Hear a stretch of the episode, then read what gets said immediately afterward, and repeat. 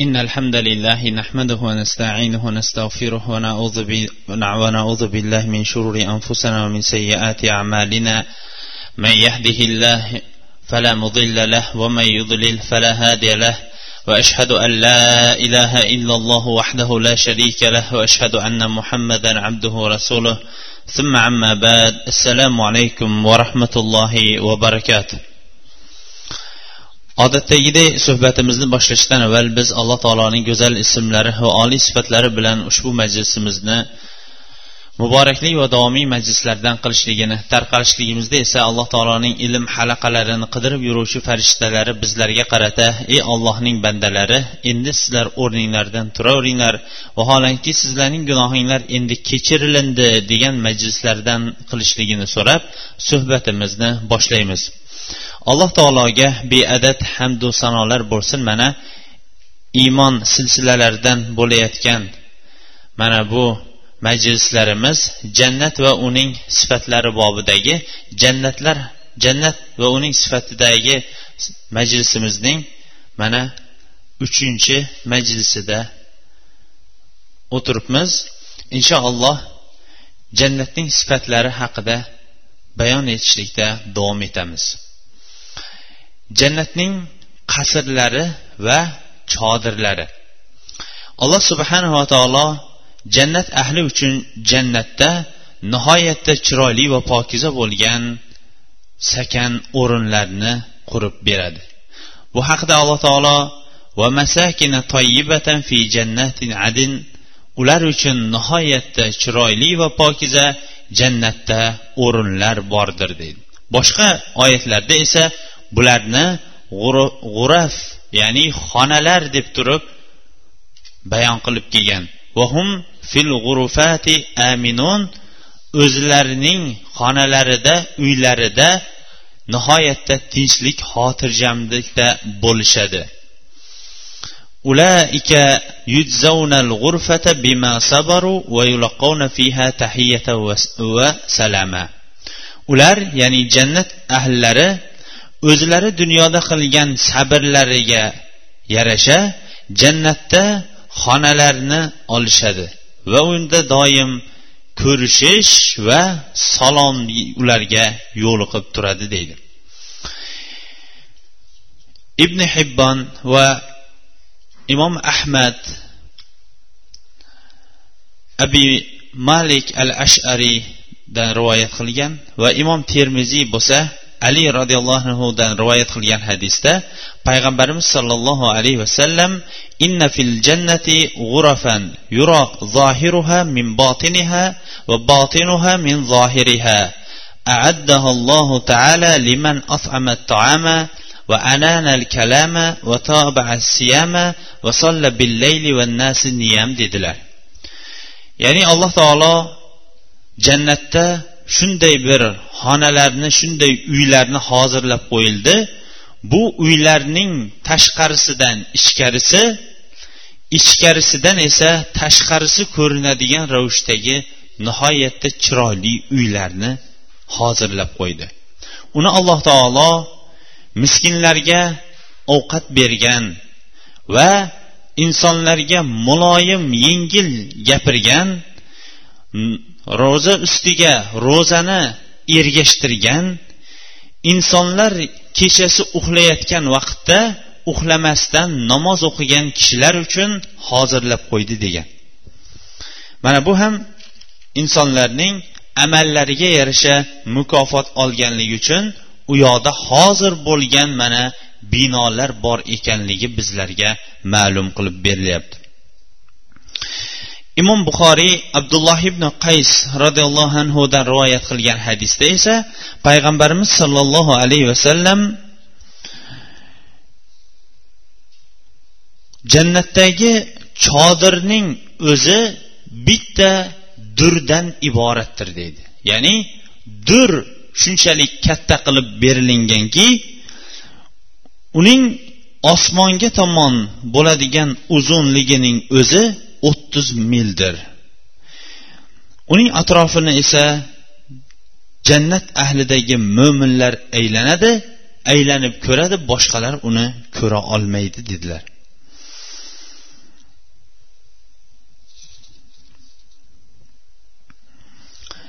Bu jannatdagi uylarga yetishlik yo'llarini ham payg'ambarimiz sollallohu alayhi vasallam bizlarga bayon etib man bana مسجدا yabtag'i bihi vajhallohi banallohu lahu mislahu fil janna dedilar imom buxoriy va muslim va termiziy va ibn majja usmon roziyallohu anhudan rivoyat qilgan hadisda.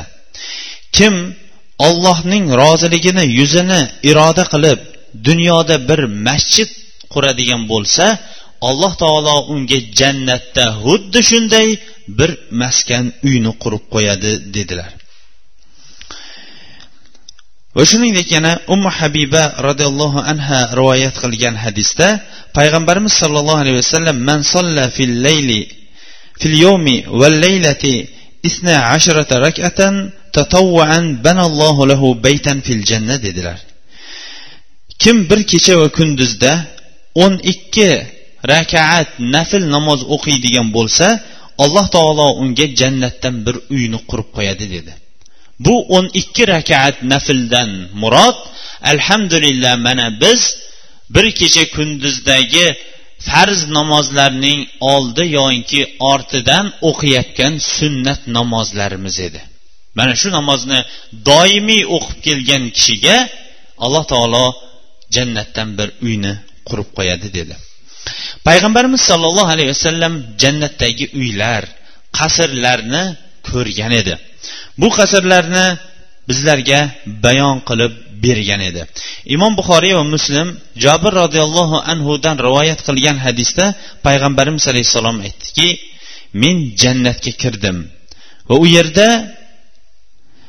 abu tolhaning ayoli turgan bir uning oldida qasrni ko'rdim. Qasrning oldida abu talhaning ayoli turar edi dedi.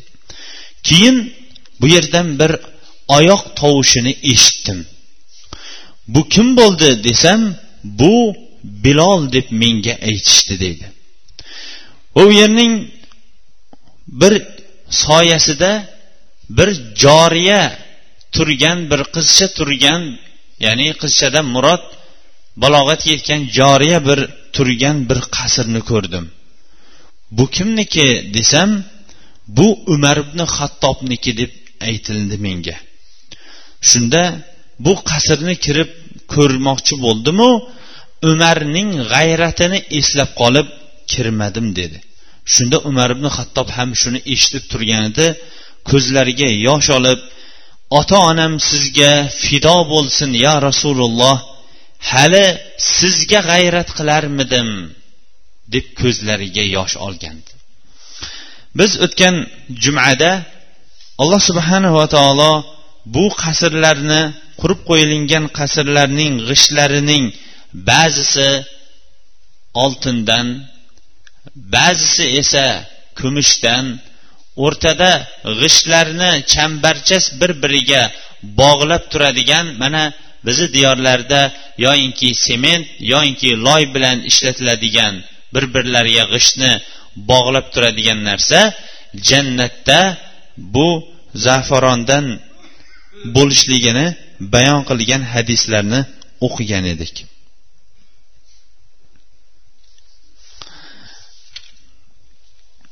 Jannatdagi nur.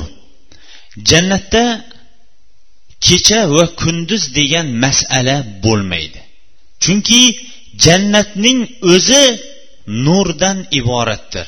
U yerda kech kiribdi kunduz bo'libdi tong otibdi kun almashibdi degan masala yo'qdir. Lekin kunning almashishligini ular parda tortilishligi eshiklarning bekilishligi bilan kechaning miqdorini ular mana shu bilan bilishadi. Shayxul islom rahimaulloh ham jannatda quyosh oy kecha va kunduz yo'qdir. Lekin ular kecha bilan kunduzni arsh tomondan kelayotgan nur bilan ular ajratib oladi degan ekanlar. Ammo jannatning shabadasi. Jannatdagi shunaqangi bir yoqimli insonning qalbiga zakovatni olib keladigan bir shabada bordiki bu shabadani mo'minlar nihoyatda uzoq joydan sezishadi va jannatga kirolmagan odamlar ham uzoqdan buning hidini tatib turadi. Lekin jahannamning chuquriga ketadigan ravishdagi ko'p jahannamning chuquriga ketgan odamlar buning hidini ham topa olmaydi. Bu hid jannatnida esadigan shamolning hidi nihoyatda o'tkir va uzoq masofagacha yetishligini mana hokim o'zini mustatragida sahih isnot bilan rivoyat qilgan hadisda payg'ambarimiz sollallohu alayhi vasallam ahli zimmani o'ltirgan kishi jannatning hidini topmaydi. Vaholanki jannatning hidi yetmish yillik masofalik yo'lgayam yetib turardi dedi. Mana shunchalik ravishda jannatning hidi shabazasining hidi o'tkir va uzoq joylarga yetguvchidir. Ammo jannatdagi daraxtlar va uning mevalari. Jannatdagi mevalar nihoyatda turlidir. Alloh subhanava taolo mana hadis qudusiyda bizlarga bayon qilganiga o'xshash men solih bandalarimga ko'z ko'rmagan quloq eshitmagan va insonning qalbiga ham tushmagan ne'matlarni hozirlab qo'ydim deydi. Jannatdagi ne'matlar agarchi ular nomlari dunyoda bir bo'lsa ham ba'zi mevalarniki lekin ularning haqiqati va kayfiyati turlichadir. Shuning uchun ham jannatga kirgandan keyin ba'zilar nomlarini mevalarning ba'zi nomlarini ko'rib iya bu jannatda boru deydigan bo'lsa lekin bu dunyoda bordiyu deyiladigan bo'lsa va utu biha mutashabiha dunyoda mana shu sizlar bor deyayotganiga o'xshashini shu jannatdaganga o'xshatadiganni olib kelib beringlarchi.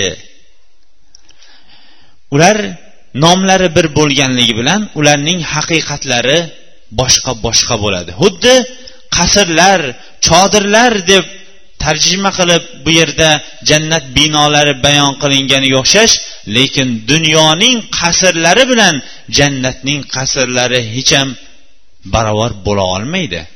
Dunyoning chodirlari bilan u jannatda qo'yilingan chodirlar hech ham barobar qo'yilolmaydi jannatdagi mevalar va daraxtlar jannat umumiy soyalardan salqinlikdan iborat bo'lgan o'rindir.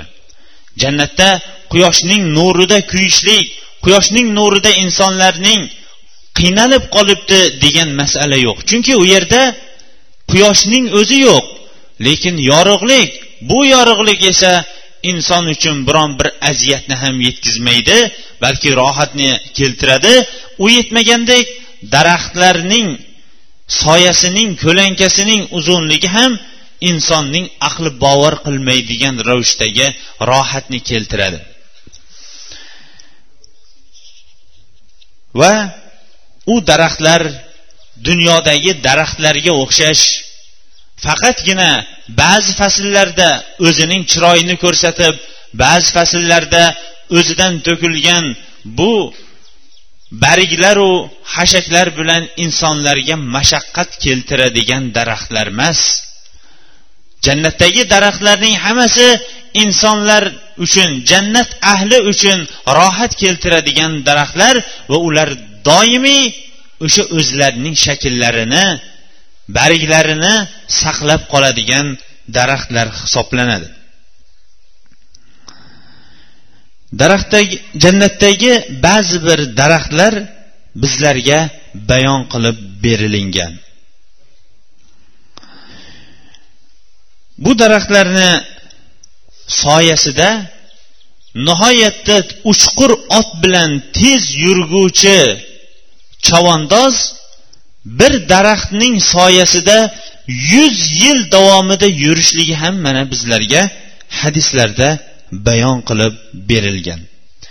Muttafaqun alayh bo'lgan hadisda abu said hudriy aytadiki inna fil jannati la shajaratan yasiru rakibul jawwad al mudmiru sari amin va ma yaqtauha. Jannatda shunday daraxtlar borki bunda nihoyatda charchamaydigan va yurishi tez bo'lgan qattiq ot bilan yuradigan chavondoz yuz yil yuradiyu lekin bu daraxtning soyasini kesa olmaydi degan. Imom buxoriy abu hurayra roziyallohu anhudan rivoyat qilgan hadisda payg'ambarimiz sollallohu alayhi vasallam inna fil jannati la shajaratun yasiru rakibu fi zilliha mi'ata sana waqra'u in shi'tum va zillim mamdud degan oyatni o'qib qo'ydilar. Yana aytdilarki jannatda shunday daraxt borki bu daraxtning soyasida otliq o'zining oti bilan yuz yil yuradi lekin yuz yilda buning soyasini kesib o'tib keta olmaydi. Agar xohlasanglar mana alloh taoloning voqea surasidagi o'ttizinchi oyatidagi uzoq uzun cho'zilingan soyalar degan oyatini o'qinglar deb payg'ambarimiz alayhissalom o'zlari shu o'rinni mana o'qib qo'ydilar. Undan keyingi daraxt mana sidratul muntaha. Payg'ambarimiz sollallohu alayhi vasallam bu daraxtni mana jannatga ko'tarilgan vaqtlarida ko'rsatilgan u kishiga. Jibrilga shunda aytgan ekanki bu daraxtning sifatlarini ko'rib turib qarasam uning daraxtning barglari xuddi filning qulog'iga o'xshash nihoyatda katta. Jibril aytdiki bu sidratul muntaha mana shu bo'ladi dedi. Uning oldidan to'rtta anhor oqib turardi. Ikkita anhor ichki va ikkita tashqari. Bu nima degandim jibril aytdiki bu ichki anhorlar jannatdagi tashqisi bo'lsa nil va furot dedilar. Tuba daraxti. Tuba daraxti ham nihoyatda jannatdagi buyuk daraxtlardan hisoblanib jannat ahlining liboslari mana shu daraxtlardan chiqar ekan.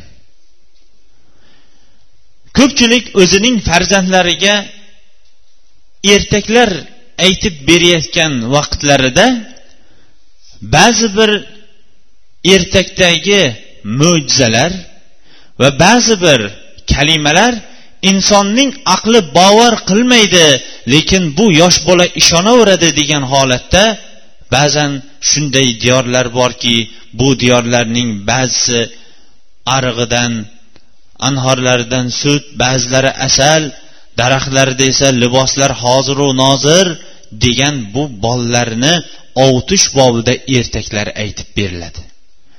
Lekin olloh o'zining taqvodor bandalariga va'da qilgan mana bu hovlisi ertaklar emas. Mana bu hovlisi ko'z ko'rib quloq eshitmagan insonning qalbiga ham kelmagan nihoyatda buyuk bir ne'matlardir. Alloh taolo o'zining hovlisini shunchalik bir karomatli va ilohiy mo'jizalarga o'ralgan holatda qilib qo'ydiki inson nahotki dunyodagi qisqa umrlarimda qilgan qisqa umrlar ichidagi tavba tazarrum va ibodatim bilan shunchalik bir ne'matlarga yeta olarkanman deb o'ylab qoladi. Mana bunday alloh subhanava taolo o'zining qudrati va ilohiy mo'jizasi bilan mana bu daraxtlarni jannatda yaratib qo'ydiki bu daraxtlardan jannat ahlining liboslari hozir bo'lib chiqib turadi. Ha dunyoda ba'zi bir ko'katlar ba'zi bir narsalar dunyoning o'zida insonning vositasi bilan yetishtirilgan mana bu ba'zi bir ko'katlar sababli va ba'zi bir hayvonlar sababli bizlar uchun libos yaratib berayotgan zot jannatda o'zi daraxtning mevasi shu libos bo'ladigan ravishdagi daraxtlarni yaratib qo'yishlikka bu qodir bo'lgan zotdir.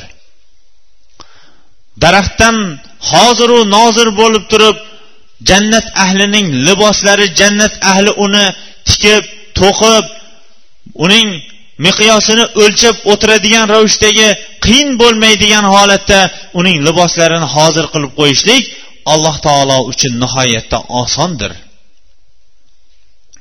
Payg'ambarimiz sollallohu alayhi vasallam ibn hibbon abu said hudriy roziyallohu anhudan sahih isnod bilan rivoyat qilgan hadisda tuba shajaratun fil janna masiratu amin siyabu ahli janna taxruju min akmamiha dedilar.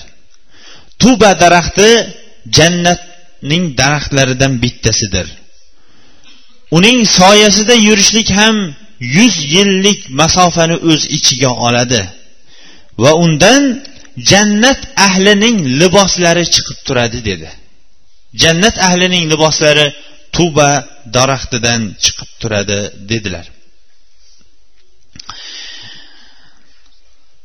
Imom ahmad o'zining musnatlarida abdulloh ibn amr roziyallohu anhudan rivoyat qilgan hadisda bir kuni bir kishi kelib payg'ambarimiz sollallohu alayhi vasallamga yo rasululloh aytingchi jannat ahlining liboslari yaratilinganmi? Biron joydan yaratilib tikilib chiqiladimi? Yaratiladimi yoyinki biron o'rinda to'qilib tikilib turadimi? deb so'radi. Buni eshitgan sahobalar kulib yuborishdi. Payg'ambarimiz alayhissalom nimaga kulyapsizlar? Biron bir bilmagan odamning bilgan odamdan so'raganligi uchunmi? dedilar. So'ngra boshlarini quyi solib o'tirdilar. Bunday holatda payg'ambarimiz alayhissalom vahiyni kutardilar. Darrov payg'ambarimiz alayhissalomga xabar kelib buning xabari osmondan tushgandan keyin boshlarini ko'tardilarda so'rovchi qani dedi. So'rovchi menman ya rasululloh? dedi haligi kishi. Keyin yo'q u jannat mevalaridan chiqadi deb uch marta bayon qilib berdilar. Mana bu hadis o'tgan hadis bilan bog'lanadigan bo'lsa tuba daraxtidan mevalarday xuddi jannat ahlining liboslari chiqib turadi. Ammo jannat ahlining rayhonining sayidini ham payg'ambarimiz sollallohu alayhi vasallam tabaroniy sahih isnot bilan rivoyat qilgan hadisda abdulloh ibn amir bu hadisni rivoyat qiladi. Roziyallohu anhu sayyidu rayhanul janna al hina dedilar. Ya'ni jannatning eng rayhonining sayyidi hino o'simligi hino daraxti dedi. Ana undan keyin payg'ambarimiz sollallohu alayhi vasallam jannatdagi daraxtlarning asl asli uning ildiziyu uning tanasi oltindan ekanligini ham bizlarga bayon qilib berdi. Mana bu jannat ahli uchun berilingan eng ajabli ne'matlarning bittasidir. Aqlingiz bovar qilmaydigan bo'lsa to aqlingiz bovar qilgunicha bunga iymon keltirib sukut saqlang. Chunki ba'zilar iya hali bu qattiq jamodotlar ham o'sadimi degan savolni ham berishligi mumkin. Toshlar ham o'sadimi temirlar ham o'sadimi degan savolni berishlik mumkin. To'g'ri bu savolni kechagi asrda berganlarida insonlar ko'p ajab bo'lmasdi lekin bugungi asrda berishligi ajablidir hozirgi kunda mana bu qozilmalarni qozishlik bobidagi olimlarning hammasi hamma qattiq moddadan iborat bo'lgan narsalarning hammasi o'sishligini bizlarga bayon etdi. Hattoki qattiq hisoblangan mana bu toshlar ham tog'lar ham vaqti kelib o'sishligini bizlarga bayon qilib berdi. Dunyoda tog'u toshlarni o'stirgan zot jannatda uning asli tanasi oltindan bo'lgan daraxtlarni o'stirib qo'yishlik u zot uchun nihoyatda yengildir. Chunki u o'stirayotgan u hovli karomat hovlisidir. Bunga dalil qilib ibn hibbon o'zini sahihida va bayhaqiy sahih san'at bilan ikkovlari ham abu hurayra roziyallohu anhudan rivoyat qilgan hadisda payg'ambarimiz sollallohu alayhi vasallam ma fil jannati shajaratun illa vasoquha min zahabin dedi. Jannatdagi hamma daraxtlarning asl negizi asli uning tanasi ildizi tilladandir oltindandir dedi. Xo'p daraxtlarni ko'pligi va uning sifatlarini bayon qilgan payg'ambarimiz sollallohu alayhi vasallam haqiqatdan ham olamga rahmat qilib jo'natilingan edi. Ma arsalnaka illa rahmatan lil alamin. Inson o'zi bir dunyoda bir kichkina hovli quradigan bo'lsa mumkin emaski u yerda bir soya bo'lib turishlik uchun yoyinki mevasidan tanovul qilishlik uchun yoyinki uning bir go'zalligidan ham uyga ko'rik bo'lishligi ham o'zi ham bahramand bo'lishligi uchun turli mevalarni qurishadi. Ba'zilar umrlari bo'yi bog'larni qurib o'tadi. Va bir necha bog'larni qurganligi bilan insonlar faxrlanishadi. Lekin bu bog'larni qancha qancha mehnatlar qancha qancha bu suvlarni olib kelish vaqtida hamma narsa muhayyo bo'lganu lekin alloh taolo tomonidan amr bo'lmaganligi uchun bu ko'chatlarning hammasi ham ko'karavermasligi mumkindir. Lekin mo'minlar bu dunyoda turib u dunyo uchun o'zlari uchun daraxtlarni ekib qo'yishlik mumkindir. Va borgan vaqtida qasrlar hoziru nozir. U yetmagandek atrofidagi daraxtlar ham buni kutib turgan dunyoda qilib qo'ygan amallari sababli daraxtlar uni kutib turgan bo'lishligi mumkindir. Lekin qaysi amali bilan mo'min kishi dunyoda turib oxiratda daraxt ekib qo'yishligini ham payg'ambarimiz sollallohu alayhi vasallam bizlarga bayon qildi. Sahih jami sag'irda payg'ambarimiz sollallohu alayhi vasallam ibrohim alayhissalom bilan meroj kechasi uchrashgan yo'liqishgan vaqtda payg'ambarimiz alayhissalom aytdilarki hadisni imomi termiziy sahih hasan isnodi bilan abdulloh ibn masud roziyallohu anhudan rivoyat qilgan. Hadis shuningdek sahih jami sag'irda ham chiqarilgan. Shunda ibrohim alayhissalom bilan isro kechasi yo'liqdim deydi payg'ambarimiz alayhissalom. Shunda payg'ambarlar otasi hisoblanmish ibrohim alayhissalom ey muhammad dedi sollallohu alayhi vasallam. Mendan ummatingizga salom ayting. Alaykum va alaykum assalom sallallohu alaykum va ala alikum sallallohu alaykum va ala alikum va ummatingizga salom ayting. Va bilingki jannatning tuprog'i nihoyatda pokiza tuproqdir. Uning suvlari ham shirindir. Va subhanalloh valhamdulillah va la ilaha illalloh vallohu akbar deyishlik jannatga bir ko'chat o'tqizishlik degandir. Mana shuni yetkazib qo'ying degan ekanlar. To'rtta kalima bilan inson oxiratiga bitta ko'chat o'tqazib o'zi borganda soyabonlar bilan bu ko'chatlar daraxt bo'lgan holatda kutib olishligi mumkin ekan. Subhanalloh valhamdulillah. Va la ilaha illalloh. Vallohu akbar. Aytingchi hozir jumadan qaytgandan keyin uyingizga borguncha buni nechi ming marta aytib qo'yishingiz mumkin?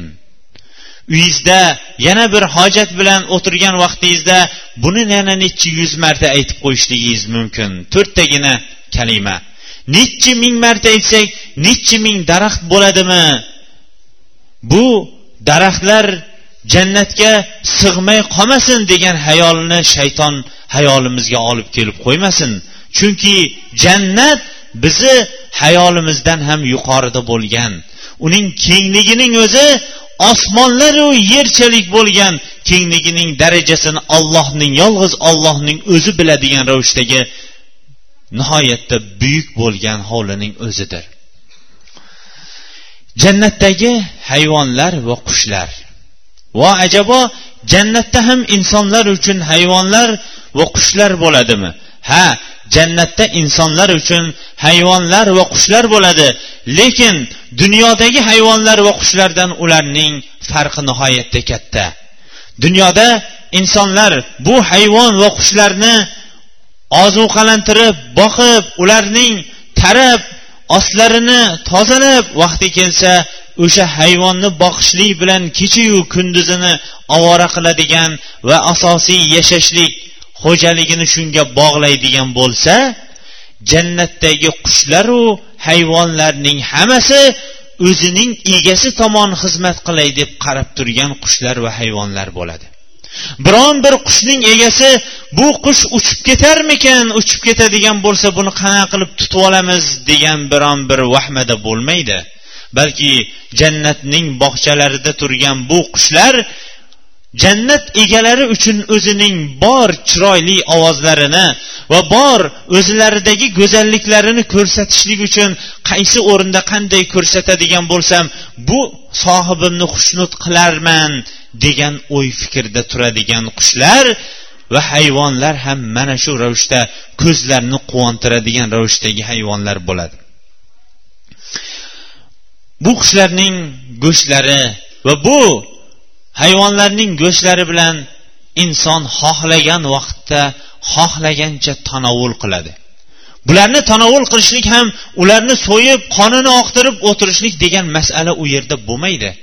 Qaysi bir qushning go'shtini yemoqchi bo'ladigan bo'lsa jannatga chikirgan insonning oldiga o'sha qush so'ylingan tozalangan pishirilgan hoziru nozir bo'lgan holatda kelib uning qaysi o'rni qanday chiroyli qanday inson uchun tez hazm bo'ladigan va lazzatli ekanligini o'zi bayon qilib turadi.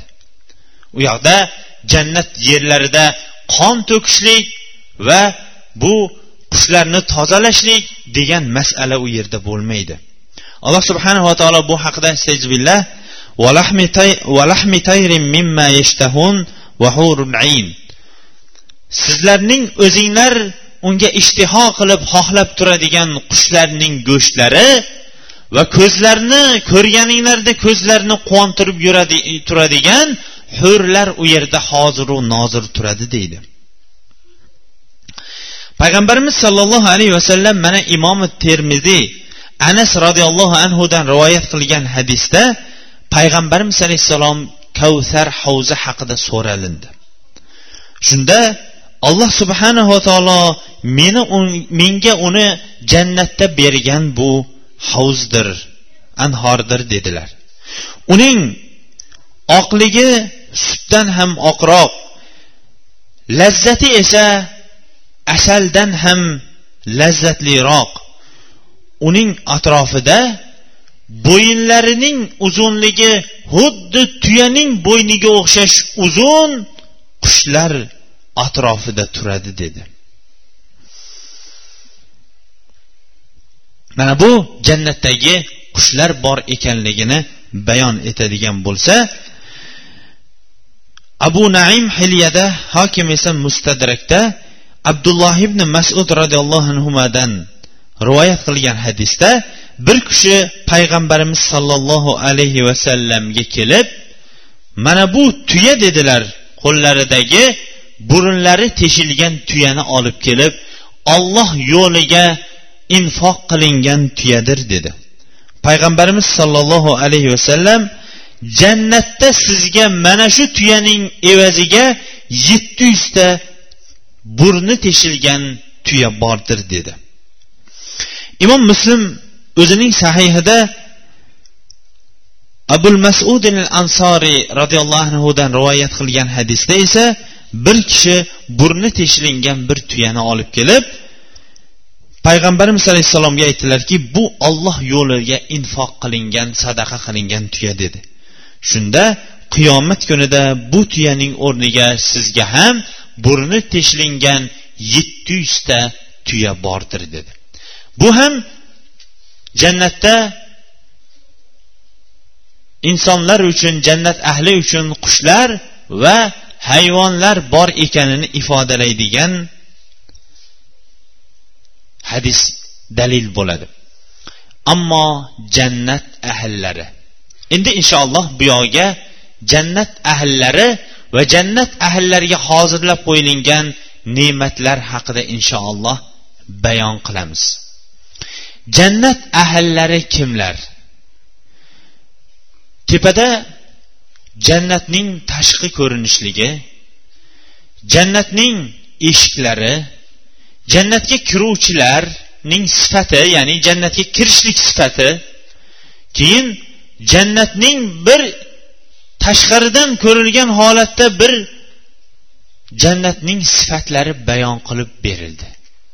Inson ham biron bir diyorga biron bir uyga borgan vaqtda bu uyning eshigi eshikdan kirishlik kayfiyati uni kutib olguvchilar kutib olgandan keyin ichkaridagi bunday hovliga bir nazar soladigan bo'lsa hovlidagi daraxtlar bu og'ilxonadagi mollar bu kishining boy badavlat ekanligini yoyinki qo'li kalta ekanligini bayon qilib beradigan bu hovli va atrofning manzara insonning ko'ziga darrov tashlanadi.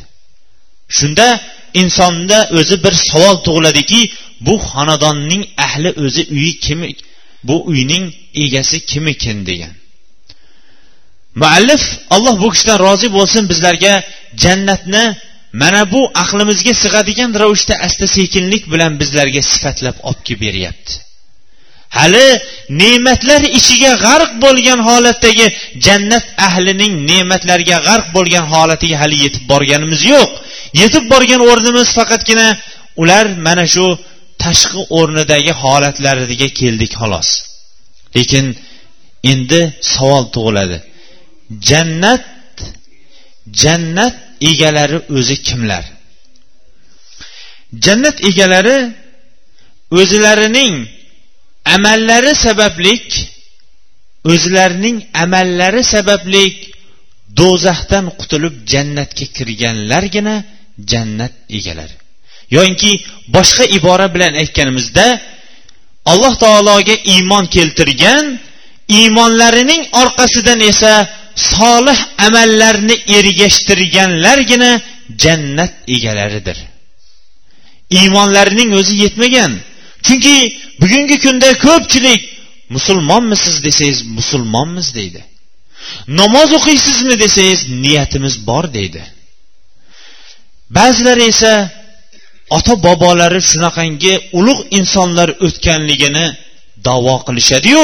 O'zlaridan biron bir falon masjidni taniysizmi falon amallarni qilasizmi deb so'ragan vaqtda ular bu amallarni hali qilmaganligini bayon qiladi. Lekin o'zlari olloh va rasuliga iymon keltirishadi.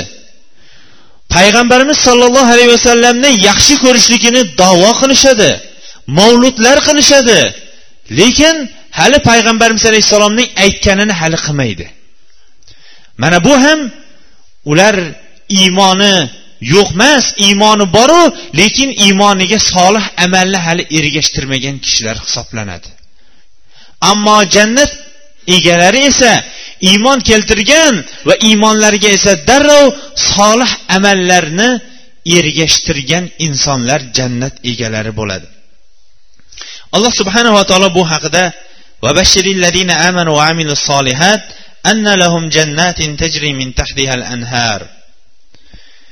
iymon keltirib iymonlariga solih amal ergashtirgan kishilarga bashorat xursandchiliklarni ularga beringlar chunki ularga taglaridan jannatlar oqib taglaridan anhorlar oqib turadigan jannatlar bor ekanligi bilan ularga bashorat bering استجب والذين آمنوا وعملوا الصالحات سندخلهم جنات تجري من تحتها الأنهار خالدين فيها أبدا lahum fiha azvajun mutahhara va nudkhiluhum zillan zalila deydi.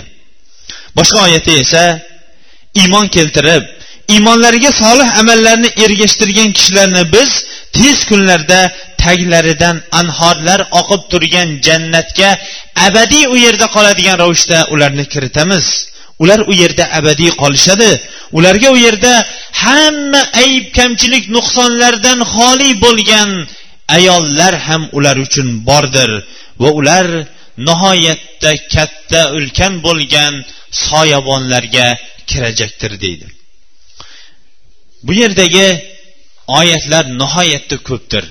Qur'oni karimning hamma oyatlariga agar e'tibor beriladigan bo'lsa iymon va amali solih. Iymon va amal solih. Iymon keltirgan iymonlariga solih amallarni ergashtirganlar. Mana bu ikkovining hammasi bir biriga bog'liq bo'lib jannatga kirishlik ham iymonning orqasidan solih amal ergashtirishlikning darajasi qanchalik bo'lishiga qarab jannatdagi manzilatlar ham xuddi shunday bo'ladi. O'tgan jumada jannatdagi insonlarning manzilati haqida to'xtagan edik. Insonlarning jannatdagi manzilati ham iymon keltirganidan keyin solih amalni ko'paytirgan insonlarning jannatdagi manzilati ham ko'tarilaveradi. Lekin jannatga kirishlikning yo'lining o'zi nihoyatda mashaqqatlidir. Jannatga kirishlikning yo'li mashaqqatli kimga?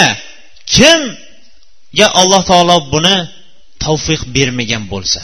Bo'lmasam aytingchi yigirma to'rt soat vaqt ichida besh vaqt namoz o'qib qo'yishlikning o'zi qiyinmi? Namoz o'qishlik qiyin deb turgan insonlarning o'ziga ham buni savol javob qilib ko'radigan bo'lsangiz ular darrov buning yengil ekanligini har qanaqa ishi bo'lsa ham uni tashlab turib qilib olish oson.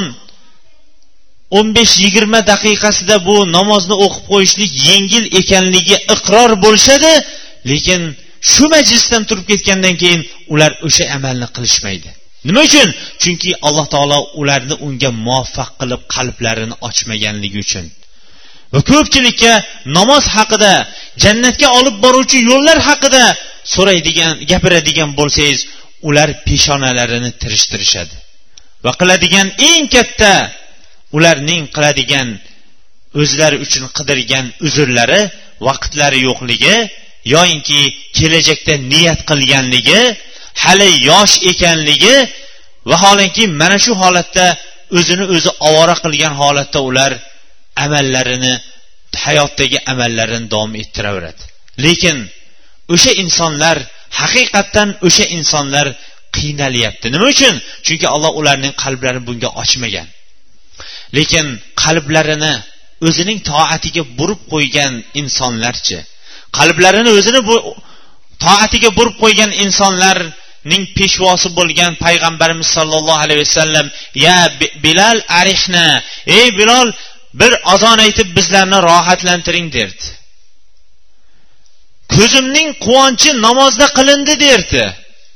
Ko'zimning quvonchi namozda qilindi derdi.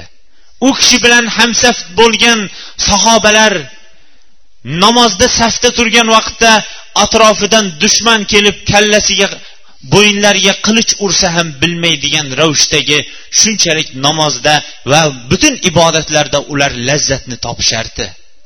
Shuning uchun ham sahoba va tobiinlardan aytgan gaplari shu bo'lganki biz kechalari tahajjud namozida allohga duoyu iltijo qilayotgan vaqtimizda biz topayotgan lazzatni bu podshohlarning farzandlari o'sha lazzat bizda borligini bilganda ular bizdan o'sha lazzatni qilich bilan bo'lsa ham olishgan bo'lardi. Lekin ular u lazzatni topishmaydi degan. Haqiqatdan ham mast qiluvchi ichimliklarni ichib ba'zilar lazzat topdim deydi lekin ular lazzat topishmaydi. O'zlariga turli boshqa mast qiluvchi mana bu hozirgi vaqtdagi muhaddirotlarni chekib olishligi yoki urib olishligi bilan o'zlari mana bu dunyo mashaqqatlaridan o'zlarini xoli qildim chekada turibman deb turib o'zlarini bir lazzat topdim deydi lekin ular oxir oqibatda lazzat topa olmasdan qiynalayotganliklarini ular yaxshi bilishadi. Yoyinki o'zlarini oila turmushlaridan uzoqqa olib ketib bir bir necha kungacha uzoqda yurib keyin qaytib kelib bir lazzat topib keldim deydi lekin ular lazzat topisholmaydi nima uchun? Chunki ular hali lazzatning o'zi nima ekanligini bilishganlari yo'qdir.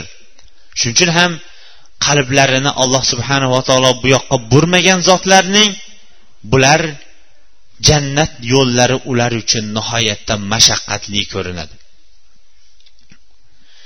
Inshaalloh mana vaqtimiz nihoyasiga yetib qolganligi uchun bugun jannat ahllarining sifatlari va ular ne'matlanadigan ne'matlar haqidagi suhbatimizni inshaalloh keyingi jumadan davom ettiramiz. Ko'pchilik duo so'rashyapti. Alloh subhanava taolo فإذا سألك عبادي أني فإني قريب أجيب دعوة الداعي إذا دعوة الداعي إذا دعان deydi agar bandalarim sizdan men haqimda so'rashadigan bo'lsa men ularga yaqinman duo qilguvchining duosini ijobat qilaman deydi to'g'ri bu jamoatda ko'pchilik xossatan mana ba'zan hali qo'llari gunohga bormagan yoshlarimizning ba'zi otalar shu farzandlarini shunday yetaklab olib kelib otalari bilan juma namozini ado qilayotganini ko'rib ko'zlarimiz quvonchadigan bo'lsa gunoh amallaridan tavba qilib turib qo'llarini butun gunohdan ko'tarib qo'ygan sochu soqollari oqqa burkangan otalarimiz borligi ham mana bu jamoatda borligi ko'p duolarimizning ijobat bo'lishligiga sabab bo'lib qoladi. Bo'lmasam bu qilinayotgan gunohlar bilan alloh taolo bizlarning bu ibodatlarimizu duolarimizni qabul qilmasligi mumkin edi. Alhamdulillah shu saflarimizda mana shunaqa go'daklar hali beshiklarda yotgan go'daklaru gunohdan qo'lini ko'tarib yuborgan soch soqoli oqargan oxirati uchun hozirlanib qolgan kattalar bor.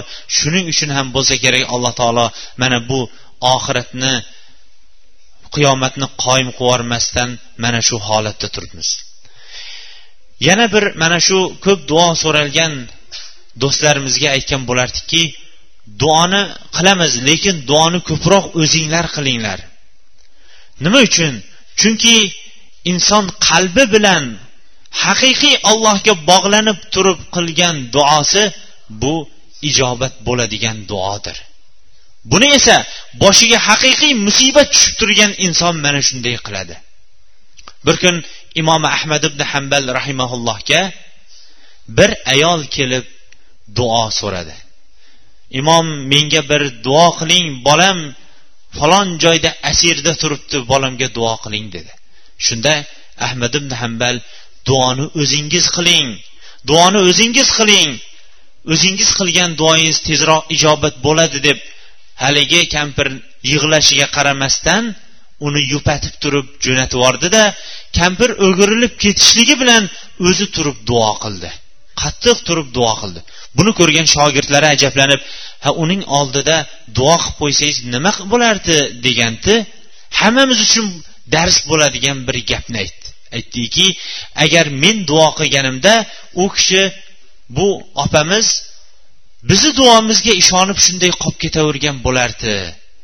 O'zining duo qilishligi bu duoning yana ham o'tkirroq allohning dargohida esa maqbul bo'luvchiroq duolardan bo'ladi deydi. Har diyorlardan bittasida asir bo'lgan olimlarning bittasi ularni qancha zanjirband qilmasin qo'llaridan zanjiri yechilib ketavergandan keyin dushmanlar ham ungadan so'rashdi.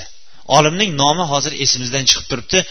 Sizning kimingiz borki shunchalik duo qiladigan duolari bizni zanjirband qilgan zanjirimiz yechilib ketishiga sabab bo'layotgan dedi. Chunki hamma yer yuzidagi bu haloyiqning hammasi duo qilishlikning xosiyatini yaxshi bilishadi. Uning ustiga kimlarning duosi qabul bo'lishligini ham ollohni inkor qilib turganlarning o'zlari ham biladi. Ba'zan bir borib domla qur'on o'qib qo'ygan deb lekin o'zlari biron bir marta namozni islomni tan olmaganlar ham shunaqa degan vaqtlari ham bo'lgan. Endi shunda mening shu mushkipar onam bor qariya onam bor o'shaning duolari bo'lsa kerak degandan keyin ozod qilib yuborgani haqida kelib o'zining tarixida bu kishi yozadi.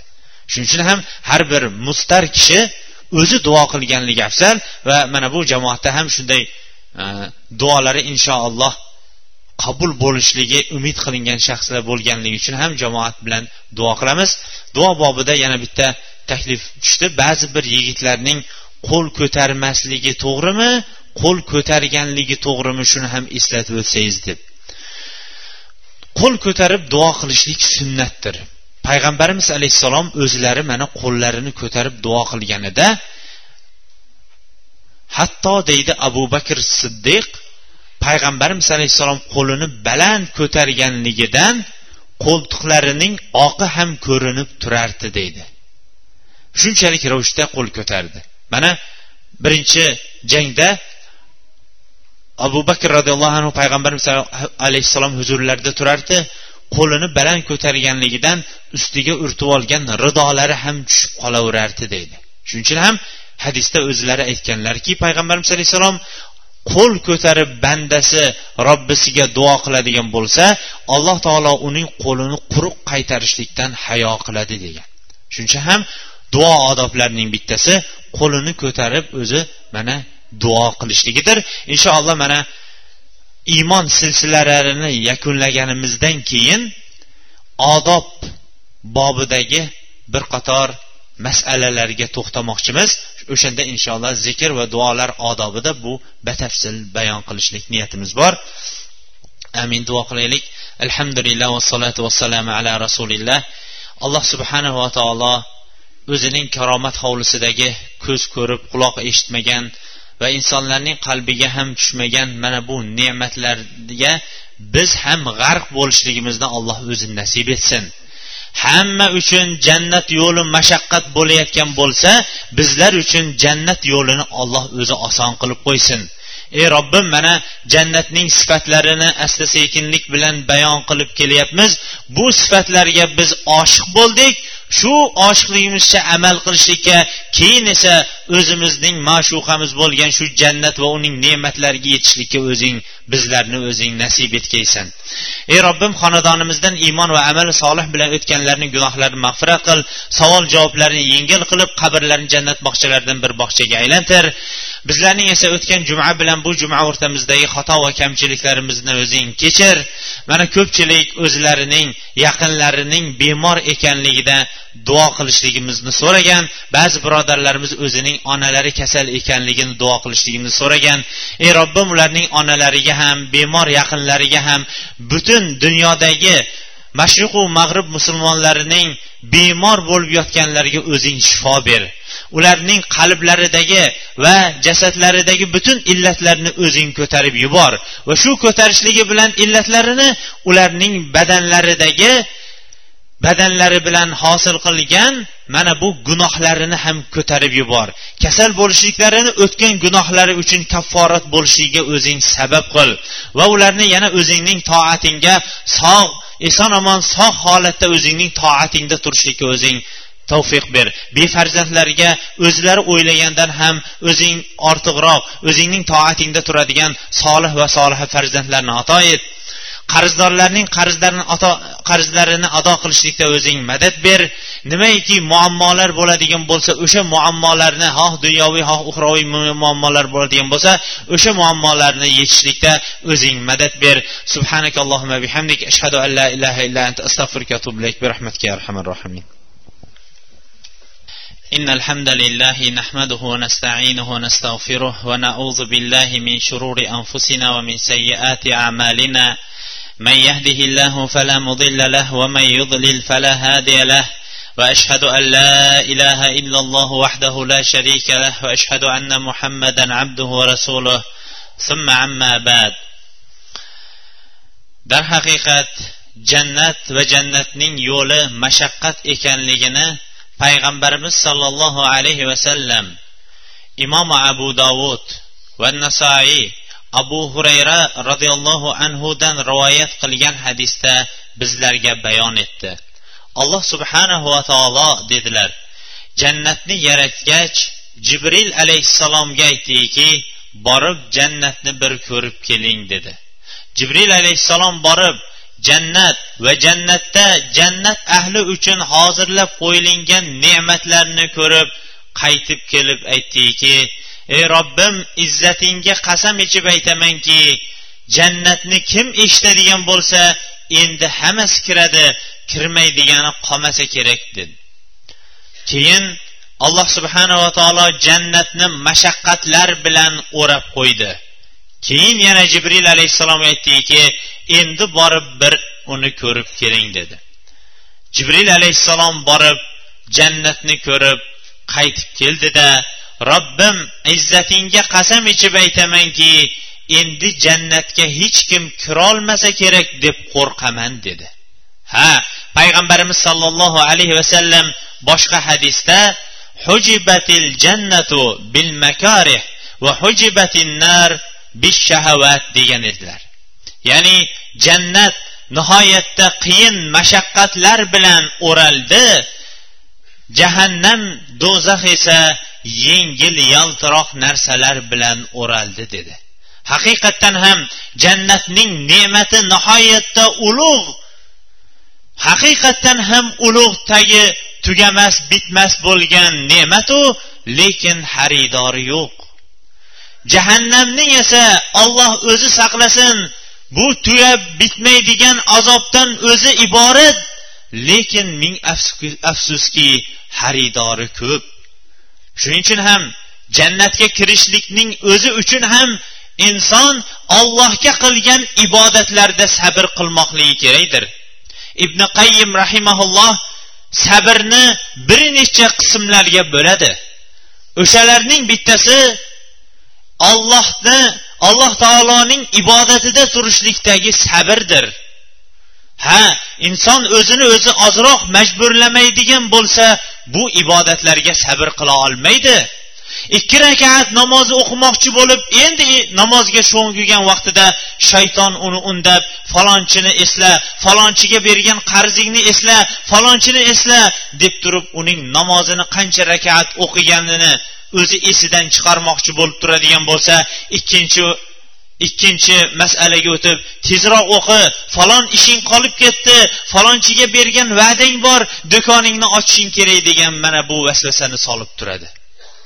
Mana bu o'rinda sabr qilib shaytonni yengaman degan odam yana namozini ko'paytirib yana agar iloji bo'ladigan bo'lsa ikki rakat namoz o'qib turib shaytonni yengishligi u jannatga o'zining mashaqqatlar bilan o'ralib turgan mana bu yo'lni ochishligidan iborat edi. Shuning uchun ham jannatning yo'lini faqatgina sabr bilan tutam bilan ushlab turibgina borgan odamlargina jannatga erishadi xolos. Shuning uchun ham avvalambor o'zimizni ana undan keyin barchamizni jannat yo'lidagi har qanaqa mashaqqatlarga qiyinchiliklarga sabr qilishlikka vasiyat qilgan bo'lardik. Ana undan keyin ey ollohning bandalari bu dunyoning o'zi mashaqqatlar bilan iboratdir. Masjidda o'tirishligimizning o'zi mana bunday insonlar terlab isib ketishligiga sabab bo'ladigan bo'lsa ko'chaga chiqadigan bo'lsak biron bir insonlar bilan tortishuv kelishmovchilik oilaga keladigan bo'lsak shunaqa ba'zi bir iboralar bilan bo'ladigan bo'lsa mana bu dunyodagi imtihon hovlisining o'zida hamma o'rinda sabr qilingda shu sabringiz bilan ular qilgan sabab sabrlari sababli ularga turli va chiroyli xonalarni berdik deb olloh va'da qilgan jannatiga erishing. Alloh subhanava taolo hammamizni ham sabr jannat yo'lidagi mashaqqatlarga sabr qilishlikka o'zi tavfiq bersin. Ey allohning bandalari qilib o'tgan gunohlarimizga mana bu vaqtda mana bu soatda juma kunida mana bu o'rinda allohning uyida ko'proq istig'for va tavbalar aytaylik ajab emaski alloh taolo gunohlarimizni mag'firat etib tavbalarimizni qabul etib bundan buyog'iga jannatning mashaqqati uchun sabr qiladigan bandalardan qilsa astag'firulloh الحمد لله والصلاة والسلام على رسول الله وعلى آله وصحبه ومن اهتدى بهديه إلى يوم الدين ثم عما بعد payg'ambarimiz sollallohu alayhi vasallam qilgan xutbalari va mavizalarining ko'pchiligi ko'proq vaqtda makonga shaxslarga o'rinlarga tegishli bo'lar edi. Bugun ham mana oldimizda kelayotgan oylarning bittasi shabon oyidir. Oysha onamiz aytadiki payg'ambarimiz alayhissalom ramazondan boshqa shabon oyichalik ko'p ro'za tutmagan deydi. Mana bu oy ramazondan avvalgi oy bo'lgani uchun ham payg'ambarimiz sollallohu alayhi vasallam bu oyda nihoyatda ko'p nafl ibodatlarni xosatan nafl ro'zani ko'p tutar ekan. Shuning uchun ham mana bu oyni g'animat bilib nafl ro'zani ko'proq tutishlikka harakat qilaylik. Bu payg'ambarimiz alayhissalomning sunnatlarini tiriltirish va sunnatlariga ergashishlikni davo qilgan kishilar uchundir. keyingi masala shabon oyining chiqishligiga ham bir e'tibor bermoqligimiz kerakdir. Chunki bir necha yillardan buyon har yili beriladigan va'da payg'ambarimiz sollallohu alayhi vasallamning sumu li ru'yatihi va aftiru li ru'yatihi fa in gumma alaykum fa atimmu 30 kama qala nabiy sallallohu alayhi vasallam fatimu shabana salasin ya'ni payg'ambarimiz alayhissalom ramazon oyini ko'rib oy chiqqanini ko'rib turib ro'zani tutinglar oy chiqqanini ko'rib turib o'sha ro'zanglarni o'sha ro'zanglarni ochinglar.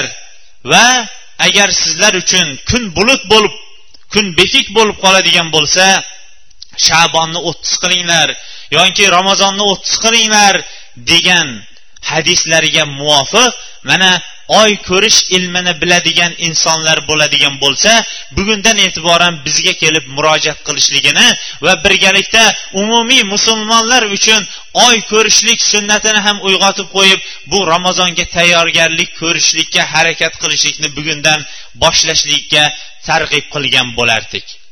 Agar oy ko'rishlik oyni qaysi kunlarda qaysi joydan chiqishligi bo'lib ham mana shom namozi endi quyosh botish vaqtidagi bir ikki daqiqalarda oyning birinchi kuni ko'rinishligini ko'pchilik aytadi o'sha o'rinlarini biladigan inson bo'ladigan bo'lsa mana bu shabon oyining chiqqan kunlarini belgilab qo'yib turib o'shanga qarab turib kelajakda shabon oyi yo yigirma to'qqiz yo o'ttiz bilan tugashlik ehtimollarini kelib bildirib qo'yishligi ham musulmonlarning qo'shni diyorlardagi bu falonchilar falon kuni tutibdi falonchilar falon kuni tutibdi arabistonda esa falon kuni tutibdi degan masalaga olib kelmagan bo'lardi.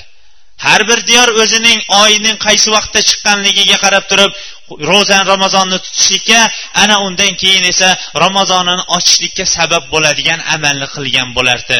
Alloh subhanava taolo va taavanu alal birri va taqva va la taavanu alal ismi val udvan deydi. Sizlar bir biringlarga taqvoli va xayrli ishlarda yordam beringlar gunoh va adovat bo'ladigan dushmanlik bo'ladigan ishlarda bir biringlarga yordam bermanglar deydi. Mana bu oyda ko'p ramazon oyi uchun ko'proq hozirlikni ko'raylik. Chekimlikni tashlolmay yurgan odam ro'za tutadigan bo'lsa albatta chekimligini tashlayman deb turib bu oydan boshlab asta sekin chekimligini tashlay boshlasin. Yolg'onini to'xtatolmayotgan odam ham bu oydan boshlab asta sekin yolg'onini to'xtatsin. Va turli kattayu kichik gunohlarga g'arq bo'lib yurgan insonlar mana bu kundan boshlab mana bu oydan boshlab asta sekin ramazon jannatning eshiklari ochiladigan jahannamning eshiklari esa bekiladigan shayton esa kishanlanadigan va boshqa ulug' fazilatlarga insonning o'tgan gunohlarini mag'firat qilinishiga sabab bo'ladigan kelayotgan ulug' oy uchun hozirligimizni ko'raylik. Allohma aizal islom al muslimin. وأذل الشرك والمشركين واحمي حفظة الدين. اللهم يا مقلب القلوب ثبت قلوبنا على دينك. اللهم يا مصرف القلوب صرف قلوبنا على طاعتك. اللهم يا رب المستضعفين نجم المستضعفين في العالم. اللهم يا رب المستضعفين نجم المستضعفين في العالم. اللهم يا رب المستضعفين نجم المستضعفين في العالم. اللهم بلغنا رمضان اللهم بلغنا رمضان اللهم بلغنا رمضان واجعله كفارة لنا لما سبق منا من الذنوب والخطايا اللهم إنا نسألك الجنة وما قرب إليها من قول أو أمل اللهم إنا نسألك الجنة وما قرب إليها من قول أو أمل اللهم إنا نسألك الجنة وما قرب إليها من قول أو أمل ونعوذ بك من النار وما قرب إليها من قول أو أمل وصلى الله تعالى خير خلق محمد وعلى آله وصحبه أجمعين. عباد الله فاذكروا الله ذكرا كثيرا وسبحوه بكرة وأصيلا وآخر دعوانا أن الحمد لله رب العالمين.